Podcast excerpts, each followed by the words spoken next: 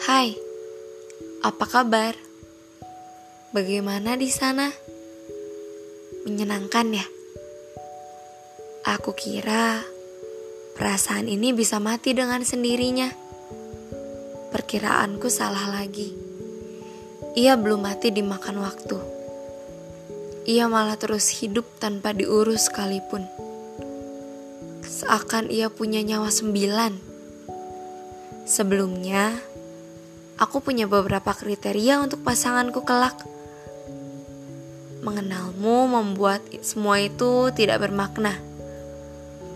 Aku selalu bermimpi punya kisah seperti cerita dongeng. Seperti yang biasa ibuku ceritakan dulu. Waktu sebelum tidur. Tapi ternyata itu tetap hanya cerita penghantar tidur mereka nggak nyata. Atau mungkin ini memang cerita dongeng yang biasa ibuku ceritakan. Hanya saja ini bukan cerita untukku. Ya, aku bukan tuan putrinya. Atau mungkin aku hanya pemain figuran dan dengan naif aku jatuh pada si pemeran utama di cerita orang lain. Akhir ceritanya mungkin bahagia, tapi tidak untukku.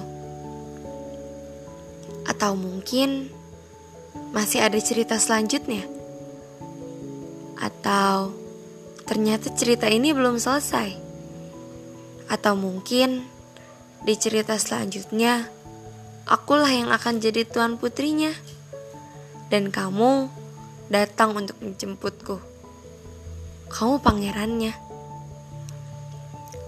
Lalu cerita ini menjadi cerita kita.